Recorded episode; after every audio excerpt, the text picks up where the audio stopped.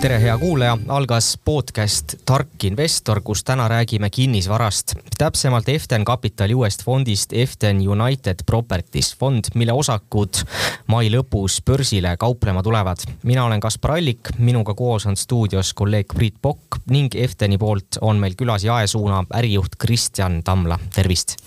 tervist. teen sellise sissejuhatuse siia väikese ja kasutan siin Efteni tegevjuhi Viljar Arakase mm, tsitaati, kus ta siis Efteni uut fondi tutvustas eh, ligi aasta tagasi umbes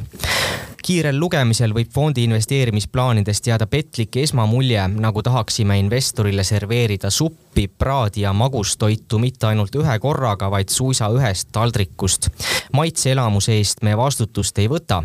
mõistagi pole see nii nii Arakas kirjutas ja juhatas sisse siis äh, uue fondi fondi. kui nüüd natuke selle tsitaadi sisu avada, mida ta sellega mõtles täpselt? ja no Viljar on, Viljar on tuntud oma päris lustlike tsitaatide poolest. Äh, mida ta mõtles, ma arvan, ta mõtles seda, et äh, kui enne United Property Fundi loomist olid äh, siin Eesti turul investoritele kättesaadavad ainult sellised kinnisvarafondid, mis siis noh, keskendusidki võib-olla siis ütleme tema, tema sõnavara kasutades ainult näiteks supile või, või ainult näiteks magustoidule või, või ainult näiteks praele. ehk siis need kinnisvarafondid, kuhu inimesed said investeerida, olid tegelikult äh, oma investeerimisstrateegias suunatud ainult mingile suhteliselt kitsale, kitsale kinnisvarasegmendile, et noh, kui me võtame meie enda Eften kinnisvarafond kolm, siis Eften kinnisvarafond kolm investeerib ainult ärikinnisvarasse. ja, ja, ja enamik investeeringuid seal, mitte kõik, aga enamik investeeringuid seal on siis valdavalt sellistesse objektidesse, mille turuväärtus on alla viieteist miljoni euro. nüüd äh, mille poolest Eften United Property Fund äh, kõigist äh, Baltikumis kättesaadavatest Äh, kinnisvarafondidest erineb, on siis eelkõige see, et äh, et, et siin on esindatud läbilõige kogu kinnisvarasektorist ja me ise oleme öelnud siis, et, et see võiks olla selline kinnisvara, Baltikumi kinnisvaraindeksi laadne portfell. et, et siin on äh, nii rendivoogu tootev ärikinnisvara, meil on kinnisvaraarendust, meil on ka üürikortereid. ehk et piltlikult öeldes, kui investor tahab paigutada Baltikumi kinnisvarasse oma raha, siis selle ühe investeeringuga saabki ta tegelikult läbi lõike kogu Baltikumi kinnisvarasektorist. kas see tähendab siis ka seda, et ähm, kui on selline äh, läbilõige Baltikumist, et äh, need investeeringud on jaotunud äh, riikide üleselt võrdselt kolmandik, kolmandik, kolmandik või siis on ka siis kuidagi proportsionaalselt rahvaarvuga või siis see varieerub? ja ei, see, see läbilõige ei tähenda kindlasti seda, et, et kõik asjad oleks nagu võrdsed. et, et nii nagu ka, eks ole, nii-öelda aktsia, aktsiaturu või võlakirjaturu indeksfondides. osad aktsiad on suurema osakaaluga kui, kui teised ja nii edasi, et, et kui me vaatame täna Efton United Property Fundi portfelli, siis eh, kõige suurema osakaaluga on ärikinnisvara ja, ja regioonidest on meil või riikidest on meil täna eh, kõige rohkem investeeritud Leetu, viiskümmend viis protsenti. Eestis on meie portfellist kolmkümmend seitse protsenti ja, ja Lätis, Lätis kaheksa protsenti. ja kui me räägime nii-öelda ärikinnisvara segmentide lõikes, siis noh, nagu ma ütlesin juba, et, et, et esi, kõige rohkem on, eks ole, rendivoogu tootvat ärikinnisvara. järgmine on meil eh, suuruselt kinnisvaraarendus, arendame siinsamas Peetri taga Uus-Järvekülas uut elurajooni ja, ja hetkel kõige väiksem, aga täna ma näen kõige kiiremini kasvav on meil üürikorterid. et äh, nii-öelda üürikorterid on, on meie meelest täna turul see koht, kus, kus nõudlus on kõige suurem, kus hinnasurve äh, üüride kasvuks on selgelt kõige suurem ja see on see koht, kus me, kus me ka siis Efton United Property Fondiga tahame kiiresti laieneda. kas see tähendab siis äh, ärimahtude poolest nii-öelda kõige potentsiaalikam suund või ka siis tootluse mõttes? eelkõige ärimahtude poolest, aga kindlasti ka nagu tootluse mõttes, et, et äh, nii-öelda või, või noh, ma isegi ütleks niiviisi, et, et tootluse ja riski, riski suhte mõttes selgelt nagu kõige potentsiaalikam, et üldiselt loomulikult rusikareegel on see, et, et ärikinnisvara kipub olema natukene tootlikum kui, kui üürikorterid, aga, aga meie hinnangul äh, korterite üüritasemed äh, Baltikumis ja ka Eestis on tegelikult olnud võrreldes kinnisvarahindadega natukene võib-olla liiga madalad ja, ja me tegelikult näeme siin viimased paar kuud juba seda, et, et nõudlus üürikorterite järele ja samas ka nagu see surve üürihindade kasvuks on täna nagu väga-väga kõrge ja see peaks siis ka tegelikult seda üürikorterite, üürikorterite tootlust selgelt nagu ülespoole ajama. toon siin võib-olla ühe näite, et, et eh, kui vaadata Tallinnat ja, ja vaadata tänast seisu ja võrrelda seda paari kuu tagusega, siis suuremates kinnisvaraportaalides on siis KVE või City24 et üüri, pakutavate üürikorterite arv on paari kuuga poole võrra vähenenud, et nii-öelda nõudlus, nõudlus üürikorterite järele täna on üle, üle terve Baltikumi suuremates linnades väga-väga kõrge. kui teie näete sellist, võib öelda äkki turutõrget näiteks üüriturul, kuidas teie siis edasi tegutsete, arendajad ei ole, teie ei võta kätte, ei ehita uut üürimaja valmis, mis te, mis te teete? ja no me ise ei arenda, aga, aga me kindlasti oleme võtnud täna selle suuna, et, et me ei taha osta mõnda valmis majja, nii-öelda paari korterit ja siis neid hakata välja üürima. ehk et nii-öelda, et ei, ei taha kindlasti opereerida olukorras, kus majast osad korterid on nii-öelda kuuluvad omanikele, inimesed elavad nagu noh, nii-öelda enda, enda, enda korterites ja siis osa, osa sellest, osad korterid selles majas on nii-öelda üürikorterid, et, et seal nagu paratamatult tekib, tekivad igasugused probleemid, on siis korteriühistu koosolekul ühiste mingite kulutuste tegemisel, maja parandamisel ja nii edasi. Et eh, me oleme täna selgelt selles suunas, et eh, sõlmime kokkuleppe arendajatega, eh, kus siis meile arendaja ehitab spetsiaalselt üürikorteriteks mõeldud maja. et, et, et täna on meil üks maja valmis saja kaheteistkümne korteriga Tallinnas Kadaka metsapargis. detsembri lõpus hakkasid korterid valmis saama noh, ma ütleks nii naljaga pooleks, et nii kui nagu viimane köögimööbli kapp sai seina kruvitud, nii praktiliselt järgmine nädal oli see korter ka välja üüritud. tänaseks on kõik sada kolmteist korterit välja üüritud. Äh, on üks äh, üürikorterite projekt ka suurusjärgus sada korterit, pooleli meil Kaunases, peaks valmima järgmine aasta, asub Kaunase meditsiiniülikooli kõrval, kus võiks olla noh, ka selline loomulik nõudlus, äh, välistudengid, külalisõppejõud, külalisprofessorid. Ja, ja kolmas projekt Eh, mis on siis täna kõige varasemas faasis, on meil Riias, et, et selle valmimine pigem on, pigem on niisugune kahe aasta pärast ja hetkel väga aktiivselt vaatame ringi Vilniuses. kui nüüd võrrelda uuesti siin Efteni kolmanda fondiga, mille aktsiaid saab börsilt äh, osta, kui nende mõlema fondi teabedokumendid lahti teha, vaadata siin riski ja tootluse profiili, mõlemal tuleb see nii-öelda samasse suurusjärk kokku. Äh, kuidas inimesed äh, selle peale nüüd mõelda võiksid? esiteks, kes ei ole veel ühtegi Efteni fondi hetkel ostnud, vaatavad kolmandat fondi, vaatavad United Property fondi ja ka need, kellel on äkki kolmanda fondi aktsiad juba olemas. Äh, mida nendele soovitada, kas müüa kolmanda fondi aktsiad maha, osta asemele United Property fondi, sest seal on ka sees kolmanda fondi osakuid. Ähm, jah, kuidas siin, kuidas siin investor mõelda võiks? Mhm. võib-olla võib-olla alustuseks äh, teen väikse korrektiivi, et, et United Property Fundis Eften kolmanda fondi osakuid ei ole. et, et meil on üldiselt selline mõte, et, et äh, Eften United Property Fundi äh, ostame neid Efteni fondide osakuid,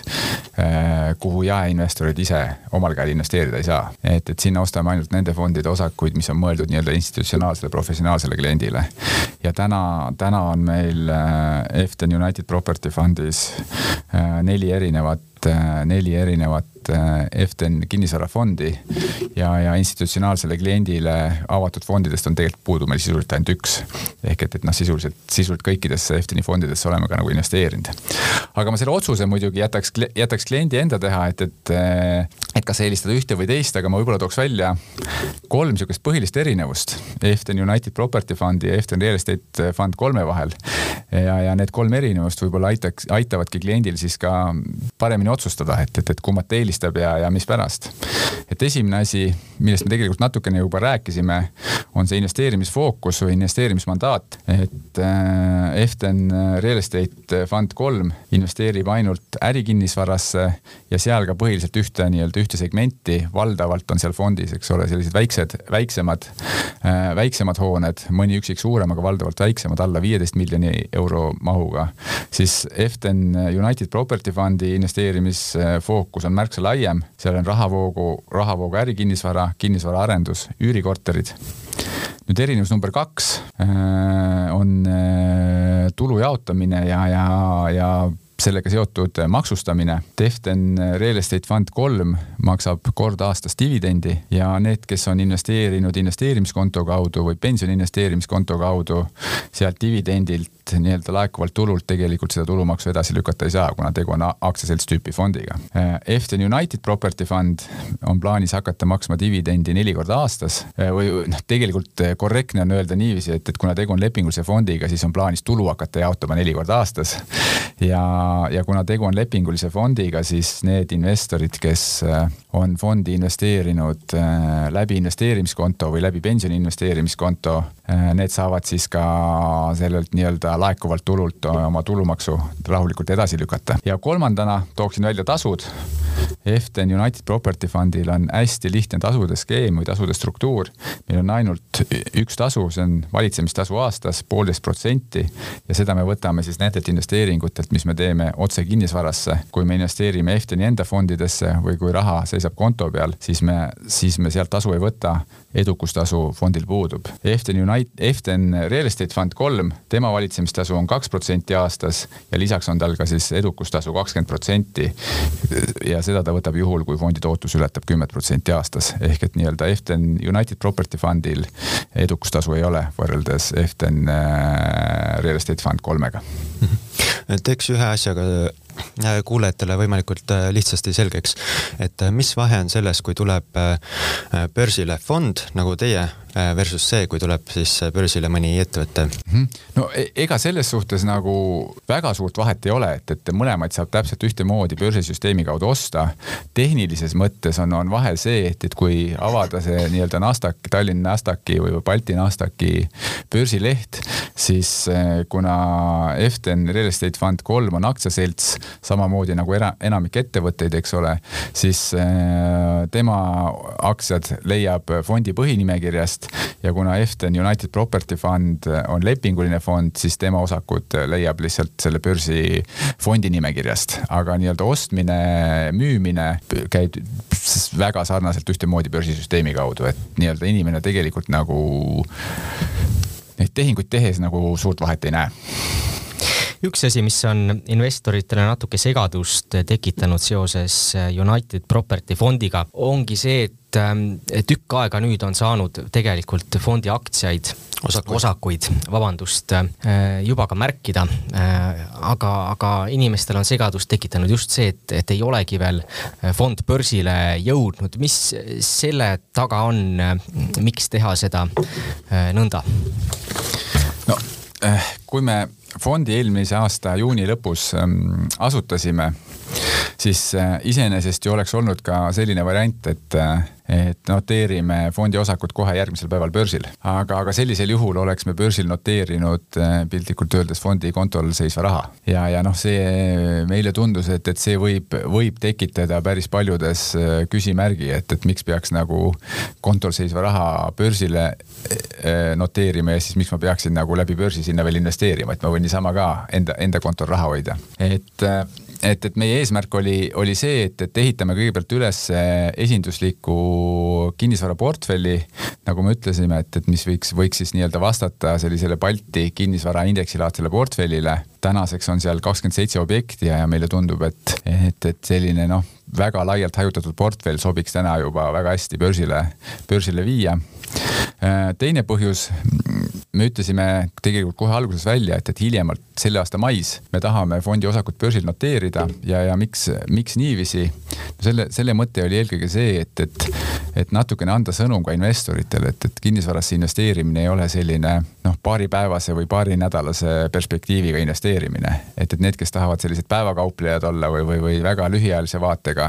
et, et, et nendel ei ole nagu nii-öelda see kinnisvarafond, fond mõeldud. et, et need peaks siis pigem vaatama ma ei tea, kas siis Tesla või, või, või bit, bit, Bitcoini poole, et, et kes tahavad selliseid eh, paari, paaritunnistest liikumistest nagu, nagu kasumit saada, et, et, et meie mõte oligi eelkõige siis see, et, et teha see fond võimalikult atraktiivseks just nii-öelda pikaajalise investeerimishorisondiga investoritele mida saab siin rääkida sellisest tuleviku dividendimäärast, lubadusi kindlasti teha ei saa, aga millega investor siin äh, umbkaudu äh, arvestada või mis, äh, mis piiride poole ta mõelda võiks mm? -hmm. no kuna see fond, Efton United Property Fund on eelkõige suunatud jaeinvestorile, siis, siis meie eesmärk on hakata regulaarselt ja võimalikult tihedalt dividendi maksma, et, et loodame, et, et peagi jõuame ka juba nii-öelda kvartaalse, iga kvartali dividendi juurde tõsi on see, eks ole, et, et kui siin nii-öelda fondimaailmas kas hakata tootlust või dividendi lubama, siis, siis tõenäoliselt peale seda, kui see saade on eetris olnud, sa, saaksin ma kohe kõne finantsjärelevalvelt, kes, kes mind noomima hakkaks, et ma selliseid lubadusi andsin. aga, aga, aga kui vaadata, mida me oma fondi eh, kuukirjades oleme viimasel ajal kirjutanud, siis me tegelikult, tegelikult oleme, oleme sellega juba välja öelnud, et, et et, et kuna Eften United Property Fund omab päris suurt investeeringut Eften kinnisvarafondis ja Eften Real Estate Fund number kahes, siis, siis tegelikult kõik dividendid, mis, mis nendest fondidest Eften United Property Fundi nüüd siin lähiajal jõudma peaksid, need me kõik ka lõppinvestorile ilusti edasi paneme, et, et täna, täna on meil, on meil selline plaan, et, et noh, siin juba, juba ma julgeks öelda siis niiviisi, et, et lähiajal ka, ka konkreetsema dividendi uudisega välja tulla. üks küsimus selle osas, osas, et ähm, kui te praegu äh, küsite investoritelt juurde viis miljonit eurot, äh, siis saan aru, et see ei, ei jää viimaseks, vaid on plaanis ka siin tuleva, äh, tulevikus välja missioon no.? Esimese hooga ikkagi tuleks seda viite miljonit vaadata selliselt, et, et, et see on ikkagi väga suures osas äh, nagu kõik, mida me see aasta kaasata plaanime. et jah, et, et me oleme nagu ette näinud võimaluse, et me võime hästi väikeses osas kuni sada tuhat eurot kuus kaasata ka septembris, oktoobris, novembris ja detsembris, aga, aga fondi seisukohalt on see alla, alla poole protsendi, et, et nii-öelda fondi mahu mõttes ei ole see sisuliselt, sisuliselt mingi summa, et, et selle mõte on eelkõige see, et, et meil on täna viis tuhat kolmsada investorit ja päris paljud neist on sellised, kes ongi paarikümne euro kaupa meil praktiliselt iga kuu investeerinud. ehk on siis tõenäoliselt oma palgast paarkümmend eurot iga kuu kõrvale pannud ja fondi investeerinud. ja et, et nii-öelda anda neile võimalus paarikümne euro kaupa seda, seda jätkata, siis olemegi, olemegi ette näinud sellise võimaluse, et, et septembrist kuni aasta lõpuni hästi väikeses summas veel osakuid just nii-öelda väike, hästi väikeinvestoritele välja lasta. kui võtta ka fondi senine portfell ja, ja tulevikus, äh, tulevikuportfell ette, mida seal rääkida saab? kas te pigem tahate sinna saada juurde otseinvesteeringuid, pigem tahate teistesse Efteni fondidesse investeerida ja ka äh, ei ole te välistanud seda, et äh, investeerite ka fondidesse mm, väljaspool Eftenit mm? -hmm no kui me räägime siin nüüd nagu lähiperspektiivist,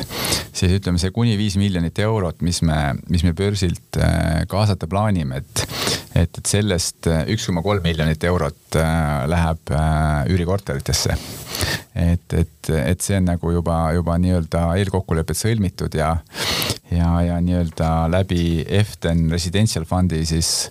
üürikorterite osakaal fondis peaks, peaks kindlasti, peaks kindlasti suurenema. nüüd, kui me räägime nagu ülejäänud osast, siis äh, siin me pigem näeme seda, et, et, et sügise poole võib siin kinnisvaraturul toimuda ka väikeseid muudatusi, et kui siin võib-olla viimased kümmekond aastat on olnud selles suhtes väga tugev taganttuul, et, et praktiliselt ükski kinnisvaraprojekt ebaõnnestunud ei ole, siis, siis meile tundub, et just eelkõige ärikinnisvaras, kus ehitushinnad on äh, teinud väga suure hüppe, samas väga paljudes kohtades rendihinnad muutunud ei ole äh,, võivad äh, nii mõnedki arendajad sattuda raskustesse ja nii-öelda sund nende projektid võivad minna sundmüüki. Ja, ja see on see koht, kus me tegelikult tahaksime sügisel siis nii-öelda esimesena järjekorras olla ja häid hea hinnaga häid, häid projekte vaadata. ja kui räägite sügisest, siis mis selle taga on, kas tõusvad intressimäärad, miski muu? ei, noh, see sügis on ka selles suhtes tinglik, et ega see võib juhtuda juba ka nii-öelda suve, suve lõpupoole, et, et pigem on, eks ole, see, et, et selline viimase paari kuuga toimunud hästi suur, hästi suur äh, ehitushindade hüpe täitsa kindlasti äh, väga paljude arendajate äh, plaane muutis. eks nad nii-öelda lähikuudel nüüd püüavad vaadata, kas nad kuidas nad saavad selle, selle uue keskkonnaga hakkama. aga, aga noh, meie nägemuses võiks sügisel, sügisel just noh, olla see aeg, tavaliselt on sihuke kuus kuud peale sihukest eh, suurt hüppelist muudatust, eh, kus, kus sellised esimesed, esimesed projektid, eh, mis on ka juba pangast võib-olla laenu saanud, peavad minema nii-öelda pangajutule ütlema, et, et äriplaan enam ei tööta välja ja siis lähevad nii-öelda sundmüüki. ja kas see viimane tuleb just sellisest Exceli arvutuse pealt vaadates või turult olete ka rääkinud reaalsete arendajatega? see tuleb nagu mõlemast ja, ja, ja eelkõige tuleb see nagu selle kaudu, et et, et kus me nagu seda kõige suuremat riski näeme, me näeme kõige suuremat riski just selliste arendajate poole peal, kes eh, on projekti arendanud eh, selliselt, et nad tegelikult seda omakapitali võib-olla nii-öelda päris omakapitalina polegi sisse pannud, et on ka selle omakapitali kokku laenanud kõrgema intressiga. Ja lisaks siis veel natuke madalama intressiga pangalaenu peale võtnud. Ja, ja kõik, kõik need laenud vajavad ju teenindamist. Ja, ja, ja kui nüüd, kui nüüd on näha, et tegelikult on vaja laenu juurde võtta sest äh, projekt, äh, ehitusprojekt läheb kallimaks ja, ja tõenäoliselt isegi ajas nihkub, kuna materjalide kättesaadavust ei ole.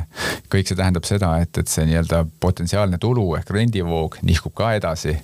et et, et me eelkõige näeme siis, et just sellised projektid, kus see omakapital on ka nagu kokku laenatud, et kus noh, nagu mulle meeldib öelda, et see omakapital, päris omakapital tegelikult ei olegi. et, et need on need, mis, mis nii-öelda esimesena, esimesena võiksid siis nii-öelda nagu rahvakeeles öeldakse, jalad, jalad taeva poole visata. kas nendel samadel kasvanud ehitushindadel on äh, vaid äh, kaudne mõju fondile või on ka otsene äh, seos? no otsest seost nagu täna selles suhtes väga ei ole, sest, sest meil hetkel nagu ehitusstaadiumis mitte ühtegi, mitte ühtegi projekti ei ole. nüüd, nüüd kaudne, kaudne mõju muidugi on, et, et ühtepidi on see kaudne mõju selline, et, et ega kui ehitushinnad lähevad ülesse, siis eh, noh, see ütleb seda, et, et kõik olemasolev kinnisvara, ega see ka nagu väga kukkuda ei saa. ehk et noh, et, et kui sa saad nagu uut, uut ehitust järjest kallimalt ehitada, siis tõenäoliselt ka need olemasolevad ehitused, nende hinnad nagu vaikselt, vaikselt peavad sinna järgi tõusma. nüüd, eh, nüüd teiselt poolt meil on üks arendusprojekt, see on, see on uus Järveküla arendus, aga, aga seal meil täna koppa veel maasse löödud ei ole, see on, see on plaanitud suve, suve teisele poolele ja, ja mida me täna näeme ehitushindade juures on just see, et, et ehitushinnad on kõige suurema hüppe teinud just sellisel juhul, kui kui on vaja mingi projekt hästi kiiresti lõpuni viia, et kui nii-öelda ehitaja käest küsida pakkumist, et kuule, et tee mulle selline pakkumine, et, et kahe kuu pärast oleks see projekt valmis, siis on, siis kipub see hind olema märksa kõrgem võrreldes sellega, kui küsida, et kuule, et tee pakkumine nii, et, et see oleks kahe või kahe poole aasta pärast valmis. ehk et, et nii-öelda just see materjali raske kättesaadavus, mis me arvame, et on ajutine, sest küll need tarneahelad, tarneahelad saadakse uuesti paika natuke võib-olla teistsugusena. et, et see on eelkõige kergitanud selliste noh, nii-öelda just nii-öelda kiiresti lõpetamist vajavate projektide hindu ja, ja need projektid, millel on nagu sihuke pikem, pikem ehitustähtaeg, et, et seal loomulikult on ka mõju olnud, aga nii suur see mõju pole olnud oleme vargsi läinud siin kinnisvaraturu teemade peale, aga ma korra küsin veel seda üle, et tingimuste järgi saab Efton United Properties fond investeerida teistesse kinnisvarafondidesse samuti, mis ei ole Eftoni all. kas see võimalus on teil pandud sinna ka mingi reaalse stsenaariumiga, kuidas see juhtuda võiks või pigem jäetud lihtsalt uks lahti juhuks, kui äh, noh, et mitte endale keelata lihtsalt seda? jah, see on nagu mõlemat, et, et täna me kindlasti ei näe, et, et see oleks meie põhistsenaarium, et, et me hakkaksime EFTN-i väliseid, väliseid fonde aktiivselt, aktiivselt kokku ostma. aga see on ka pigem, pigem jäetud selliseks puhuks, nagu me võib-olla siin natuke juba eelnevalt, eelnevalt rääkisime, et, et justkui nii-öelda tekivad kriisiolukorrad ja, ja mingitel kinnisvarafondidel tekivad nii-öelda sundmüüjad. et, et sellisel juhul, kui, kui nii-öelda tahetakse suuremast äh, nii-öelda investeeringust äh, hästi kiiresti ja, ja võib-olla isegi hinnast sõltumatult loobuda. et, et siis jätta, jätta see võimalus, aga, aga noh, ma üldiselt, üldiselt nagu täna veel, veel seda, seda võimalust ei näe, et, et ma ikkagi arvan, et lähiaastatel Efton United Property Fundi portfell hakkab, jääb koosnema põhiliselt Eftoni enda fondidest ja otse kinnisvarasse tehtud investeeringutest ja kui rääkida korra üle ka selline võla aspekt Efteni enda fondides, äh, mida siin välja tuua saab, kui Euribor tõusma peaks, äh, teie laenukulu tõuseb, äh, kas siis on kõik hästi? ja ei no loomulikult, et ega siis kõik, kellel on laen ja ujuva intressiga laen, nagu meil ju tegelikult Eestis praktiliselt kõik erasektori laenud on, siis loomulikult Euribori, Euribori tõus mõjutab kõike, et, et ega siin seda ei saa eitada, aga aga Eftenis äh, me oleme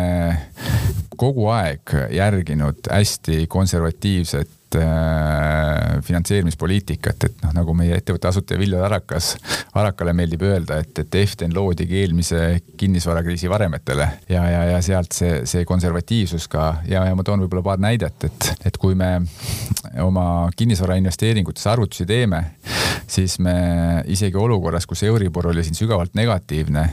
me lähtusime eeldusest, et et see investeering peab tagama mõistliku tootluse isegi olukorras, kus laenu intressimäär on kolm pool protsenti. et, et me tegelikult kõik oma investeeringud teeme eeldusega, et laenu intressimäär on kolm pool protsenti ja üldjuhul äh, me võimendust rohkem kui viiskümmend protsenti projektide mahust ei ole kasutanud ja samuti, samuti me üldjuhul pangalaenusid ka amortiseerime ehk nii-öelda põhiosa tagasimakseid teeme. et, et täna see nii-öelda turgude poolt ette nähtud, turgude poolt ennustatav Euribori tõus, et, et selle, selles raamides me tunneme ennast väga-väga kindlalt. et me, kui nagu päris aus olla, siis mõnes Eftini fondis, kuhu ka Eftin United Property Fund on investeerinud, me tegelikult näeme isegi seda, et, et meil on võib-olla päris hea võimalus siin turuga natuke vastuvoolu ujuda ja, ja tänu meie nii-öelda ajaloolisele konservatiivsele äh, laenupoliitikale võime isegi võib-olla natukene seda võimendust juurde võtta ja selle võrra äkki dividende suurendada.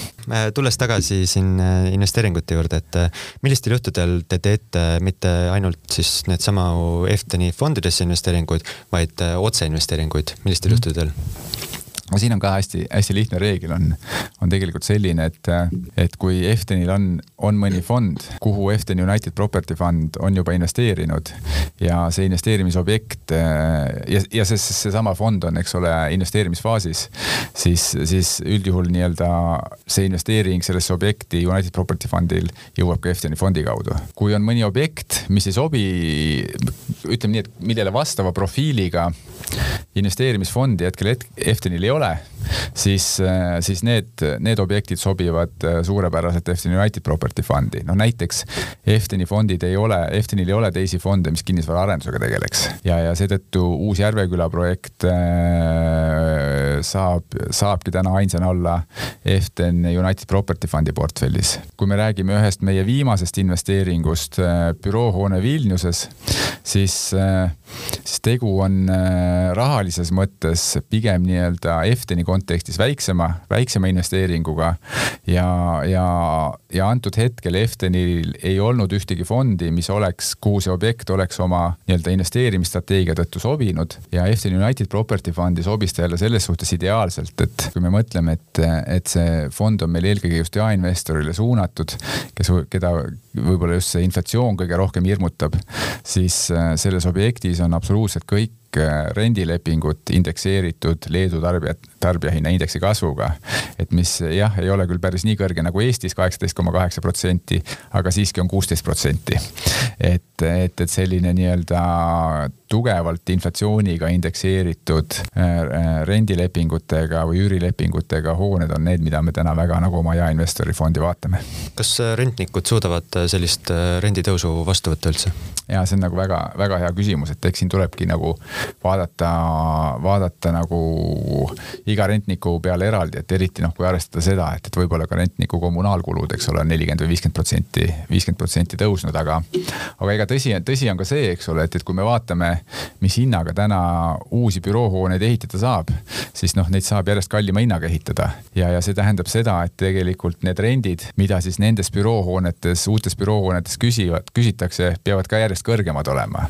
ja, ja kuna, kuna see renditase, mis meie büroohoonetes on, eelkõige selles nii-öelda Efton Unitedi eh, suurimas büroohoones Vilniuses, on pigem nagu turu keskmine või turu keskmisest natuke allapoole, siis me tegelikult näeme, et seal on päris hea võimalus eh, enamike rentnike puhul eh, neid renditasemeid ka päris kõrge inflatsioonimääraga indekseerida. Mm.. nii, Efton United Property Fondis on olemas üürimaja, samas me teame kinnisvaraturust ka seda, on ju, et puudust on palju ka elumajadest, elukorteritest. Miks ei vaata Efton United Properties fond näiteks selle poole? No me selles suhtes nagu vaatame, et, et meil ju Uus-Järveküla arendus otseselt, otseselt nii-öelda uute, uute majade ehitamine ongi, kui, kui see on see küsimus. aga, aga, aga me, miks me, võib-olla ma räägikski siinkohal natuke pikemalt siis, et, et miks me selle Uus-Järveküla projekti, projekti endale vaatasime ja, ja miks me, miks me selles, selles, selle suhtes nagu väga, väga nagu positiivselt meelestatud oleme, et, et et, ma võin isegi öelda, et ja me oleme selle oma uudistes ka tegelikult välja öelnud, kui me sinna projekti sisenesime, et, et meie oodatav tootlus sellest projektist on kuskil viisteist protsenti aasta baasil. ja, ja miks, miks meile see projekt meeldib, on see, et, et ma ütleks nagu kaks asja. et punkt üks on see, et, et kui me vaatame, mis on see potentsiaalne nii-öelda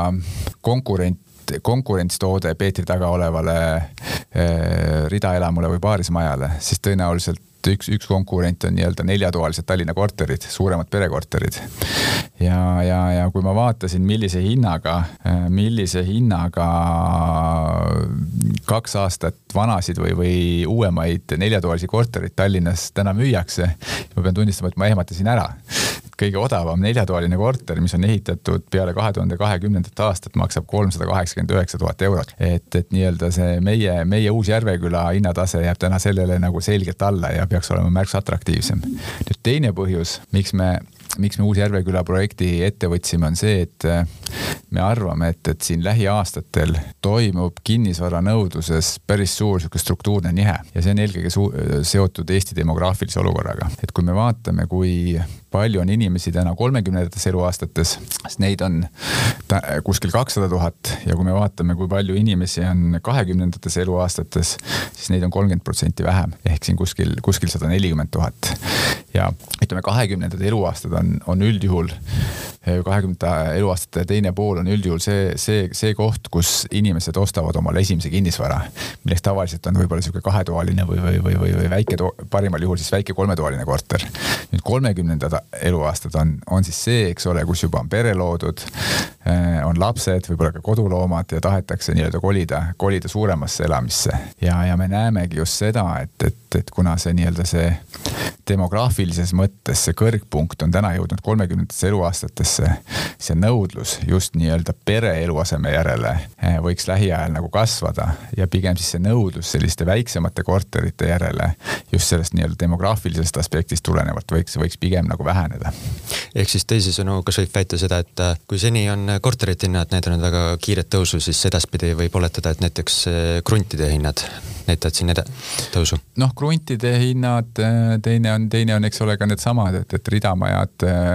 paarismajad, aga, aga mida ma ise arvan, on ka see, et, et, et ja mida me tegelikult ju oleme siin viimase, viimase aasta jooksul juba ka statistikas näinud, et, et äh, isegi nagu Tallinna hindadest kiiremini kasvavad Tallinnast väljaspool olevate, olevate majade ja, ja korterite hinnad, et, et järjest rohkem inimesi, kes on nagu pere loonud, arvab, et võib-olla ei peagi Tallinna kesklinnas elama ja, ja on nõus ka nii-öelda Tallinna linna siis kas äärealadel või, või, või Harjumaal, Harjumaal ennast sisse seadma ja, ja seal me tegelikult Äh, oleme väga suure nõudluse tulemusena tegelikult näinud isegi võib-olla kõige kiiremat hinnakasvu viimasel ajal. mis tujuga siis Efteni kontorisse hommikul tullakse praegu, kas äh, kulm on kortsus, et äh, probleeme on palju üleval või pigem suud on rõõmsad, et võimalusi tekib palju? ja no ma ütleks, et võib-olla nagu heas mõttes sihuke ärev, ärev, ärev olukord on, et, et äh, kindlasti ei saa ju öelda, et, et täna oleks mingisugune väga lihtne, väga lihtne seis, eks ole, et, et kui me vaatame, mis, mis maailma aktsiaturgudel on toimunud, eks ole. noh, samas me nagu ise arvame seda, et, et, et pigem me nagu räägime siin keskkonna normaliseerumisest. et ega see, mis siin võib-olla viimased paar aastat aktsiaturgudel oli ja ka nagu majanduses oli, et see võib-olla ei olnudki normaalne, et, et, et nii-öelda ükskõik, mis ettevõte börsile tuli, märgiti nagu kümne korra kahekordselt üle, eks ole, ja, ja, ja, ja investorid isegi ei vaadanud sinna ettevõtte sisse ja, ja võib isegi küsida, et, et kas kõik need investorid või kas kõik need ettevõtted üldse peaksidki börsil olema. et võib-olla mõni, mõni isegi võib-olla ei peaks börsil olema, aga vaatamata sellele investorid märkisid, märkisid neid kordades üle, et, et täna me oleme ikkagi olukorras, kus, kus investorid on nagu valivamaks muutunud. Ja noh, eks see olegi ju kapitalismi alus, et, et eh, nii-öelda rahastuse saavad ikkagi elujõulised projektid, mitte, mitte kõik projektid, et vastasel juhul oleks ju meeletu, meeletu ressursi raiskamine. et, eh, et selles suhtes nagu hea, heas mõttes sihuke ärev olukord, et, et eks me siis nagu näeme, et, et kui see, kui see maailm meil nagu uuesti normaliseerub, et noh, nagu siis see ütelus on, et, et, et, et kui tõusuvesi taandub, et eks me siis näe, et, et kes on, kes on ujunud alasti ja kellel on, kellel on riided seljas. et, et meile endale ise tundub küll, et, et meil täna nagu iga, iga projektiga on meil nagu päris, päris palju riideid seljas, aga, aga eks me vaatame, et, et kas turu pealt õnnestub siis, õnnestub siis mõne, mõne nii-öelda alasti ujuja projektiga kokku osta. kui vaadata natukene ka maailmas veel ringi, siis äh, Ameerikas, kus on ka olnud viimastel aastatel äh, kinnisvarabuum, siis viimastel kuudel on toimunud teatud pööre, kus äh, keskmine siis äh, kodulaenu intress on tõusnud koguni kaks protsenti ning äh, seetõttu ka siis on olnud märgata siis sellist teatud jahenemist. kas USA kinnisvaraturul toimuv mõjutab ka kuidagimoodi Eesti kinnisvaraturgu? no eks ta nagu kaudselt loomulikult, et, et nii-öelda me oleme ju ka väga-väga avatud majandus ja, ja läbi nagu majanduse kindlasti mõjutab. nüüd, kas nagu kinnisvaraturg, otse kinnisvaraturgu mõjutab, et, et, et noh, see, see võib-olla seal ma nagu sellist otsest sidet ei näe, aga, aga mis ma tooks nagu sihukese suurema erinevuse, eriti kui me räägime nagu intressimääradest ja, ja nende mõjust nagu kinnisvaraturule, siis, siis Ameerikas tegelikult on nagu väga tavapärane see, et, et, et kinnisvaralaenu intressid on fikseeritud nagu aasta, aastakümneteks väga-väga-väga pikkadeks aegadeks aegadeks. ja kui me vaatame, mis intressid on kõige rohkem tõusnud, siis eelkõige ongi just tõusnud need nii-öelda pikemad intressid. et eks ole, et kui me vaatame Euroopat, siis noh, Euribor alles napilt-napilt jõudis positiivseks, eks. Ja, ja, ja nagu me teame, et, et enamikel enamikel koduostjatel, kes eh, kodulaenu on võtnud, eh, oli see Euribor nii-öelda fikseeritud sinna nulli, nulli peale, et, et, et seda, et Euribor oli negatiivne, see nii-öelda kodulaenu intressis ei kajastunud. ehk siis kogu see Euribori tõus nii-öelda negatiivsest nullini meil ju tegelikult nagu kodulaenuvõtjat ei, ei mõjutanud, aga, aga kindel on kindlasti see, et, et ja, ja no ma arvan, et see ongi taaskord nagu näide, et, et normaalsus hakkab tagasi tulema, et ega intress ei saagi negatiivne olla ja intress ei tohigi null olla, et, et rahal peabki nagu hind olema. et, et, et kui, kui olukord, kui olukord normaliseerub, et, et ja, ja intressid, intressid natukene tõusevad, et, et eks siis, eks siis kindlasti ka inimesed hakkavad rohkem valima, milliseid projekte, milliseid, milliseid kodusid osta ja kuhu, kuhu oma raha paigutada millise Euribori tasemega te ise umbkaudu arvestate või niimoodi kõhutunde pealt kui kõrgele te selle mõelnud olete? kui nüüd tõus tekib ära, siis kus on võib-olla selline kõrgeim eh, valulävi, kus ta kindlasti ei saa üles tõusta ja, ja kui võtta ka selline pikem vaade, viis eh, või kümme pluss aastat, mis nii seal võiks saada? No, no võib-olla kordaks selle üle, et nagu ma ütlesin, et me absoluutselt kõikides EFTEN-i mm, projektides oleme arvestanud sellega, et intressimäär võiks vähemalt kolm pool olla ja, ja sellega peavad meie projektid nagu hea, hea tootluse tagasi teenima. ehk et, et kuni sinnamaani meil, meil ei ole nagu üldse mingit, mingit muret. nüüd eks see nagu see Euroopa intressiteema, et, et see on nagu sihuke noh, võib-olla vääriks isegi omaette saadet on ju, et, et, et sellest, sellest siin pikalt, pikalt diskuteerida. ma, ma ise arvan seda, et, et kui me vaatame, eks ole, et, et Ameerika keskpank on juba intressitõusu tõstmisega alustanud. Inglismaa keskpank samamoodi intressi tõstmisega alustanud, et, et ega ka Euroopa Keskpank väga maha, maha jääda ei saa, et, et vastasel juhul tõenäoliselt eurokurss nõrgeneks kõvasti ja, ja läbi nõrgema eurokursi see inflatsioon kiireneks veelgi. nüüd, nüüd teist poolt, teist poolt, eks ole, me teame ka seda, et, et euroala ei ole väga ühtne. et siin on nagu majanduslikult eh, tugevaid riike ja majanduslikult märksa nõrgemaid riike ja need märksa nõrgemad riigid kipuvad seal lõuna pool siis olema. ja, ja noh, nüüd see, eks ole, see nii-öelda miljoni dollari küsimus on, et kui Euroopa Keskpank intressi tõstma hakkab, mis saab siis, eks ole, Itaalia, Kreeka, Hispaania valitsuse võlakirjadest. et, et kuidas nende riikide valitsused suudavad siis võlakirjadelt intressi maksma hakata, kui need, kui need intressid peaks väga kiiresti tõusma. et minu nagu nägemus on täna see, et, et kui Euroopa Keskpank siin nüüd vaikselt intressi tõstma hakkab ja ta kindlasti hakkab seda tegema, siis samaaegselt ta võib säilitada omale nii-öelda võimaluse teha turul tugioste just nii-öelda nõrgema majandusega äh, riikide võlakirjadesse. ehk et, et noh, ma nagu üldse ei välista, et Euroopa Keskpank nagu, nagu öeldakse, et hakkab nagu üht kätt äh,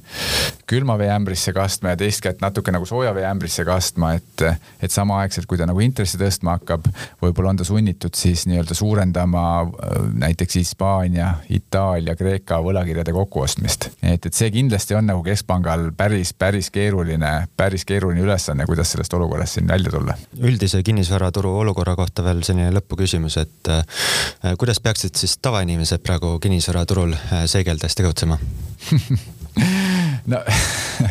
see nüüd on küll hea, hea selline üldine soovitus anda, aga ma võib-olla sihuke paar, paar soovitust eh, või, või paar mõtet siis õigemini jagaks, et on see, et nagu öeldakse, et ega ja kui nagu oma kodu osta,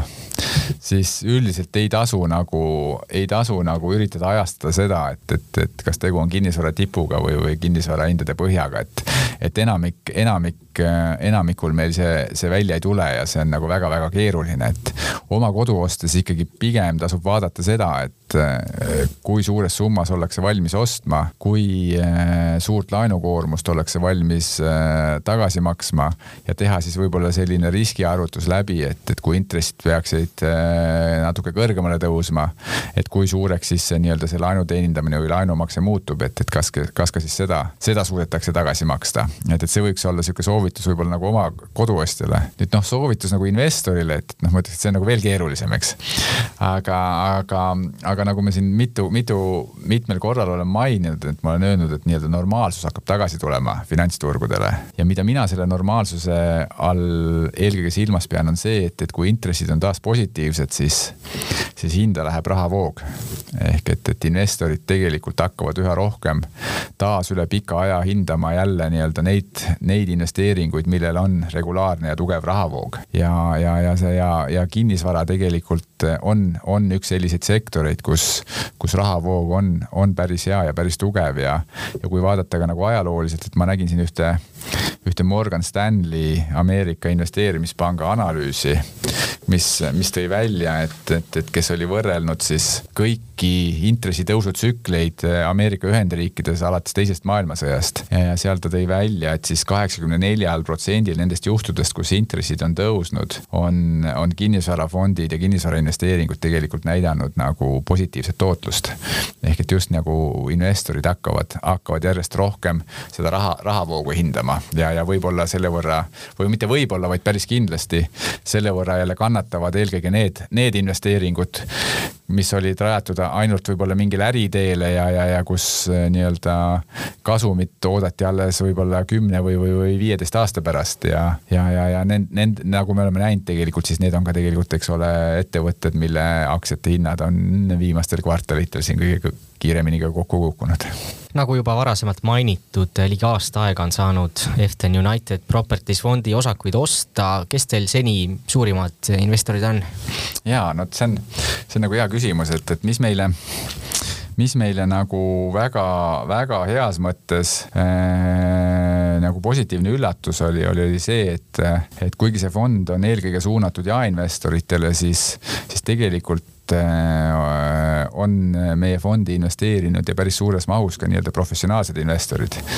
ja, ja oma fondi äh, prospektis me oleme välja toonud, noh, vastavalt seadusele peab välja tooma siis äh, need investorid, kes omavad rohkem kui viite protsenti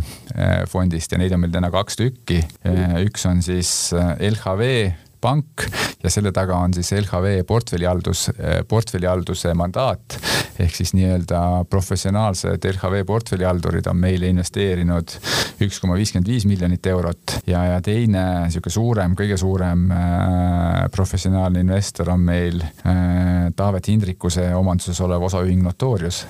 kes on meile investeerinud ühe miljoni euro. Ja lisaks siis on meil veel paarisaja tuhandest kuni sellise poole miljonini selliseid investoreid, mille kaudu noh, ma ütleks sellised edukad Eesti ettevõtjad oma, oma varahaldusteenust teevad ja noh lisaks ma alati, mis me alati Efteni fondide puhul ka mainime, on see, et tegelikult Efteni enda omanikud ja juhtivtöötajad ja sealhulgas ma ka siis ise oleme kõik investeerinud Efteni fondidesse ja, ja ma tean, et, et enamik meist on ka juba käesolevas emissioonis oma investeerimisorderi sisse pannud. kas ise ka? jaa, äh, esimesel päeval kohe. ja kas jookseb selline igakuine ülekanne või äh, või tegite investeeringu ühekordselt? ei, mina ohohoo, olen, ma arvan, kokku nüüd selle üheksa kuu jooksul, mis siiani sai Eften United eh, Property Fundi investeerida. ma arvan, et ma olen vist umbes viiel või, või kuuel kuul eh, investeeringu teinud selge, Kristjan Tambla, Eften Capitali jaesuuna ärijuht, aitäh, et tulite meile stuudiosse ja Eften United Properties fondi olemust tutvustasite. kas lõpetuseks on veel mingeid tähtsaid kuupäevi öelda, millega investorid arvestama peaks, mingit muud tähtsat faktilist informatsiooni, mis nad teadma peaksid emissiooni kohta? no võib-olla ma ütlekski kaks asja, et, et võib-olla nagu kõige olulisem kindlasti on see, et, et, et äh, meeles pidada siis seda viimast kuupäeva, et, et kõik need, kes on fondi huvitatud investeerimast, et, et seda tuleks siis teha enne kahekümnendat maid kell, kell üksteist null null. et, et kindlasti, kindlasti seda ja, ja, ja teisena, mis ma võib-olla välja tooks, on see, et, et, et tõenäoliselt me nüüd nagu mõnda aega suuremat emissiooni enam ei korralda. et, et kui nii-öelda emissiooni kaudu on, on, on soov natuke suuremas summas fondi investeerida, siis, siis järgmine kord äh, noh, see aasta kindlasti enam sellist võimalust ei avane selge pilt, Kristjan Tambla, aitäh, et meile külla tulite ja soovin edu. tänan kutsumast.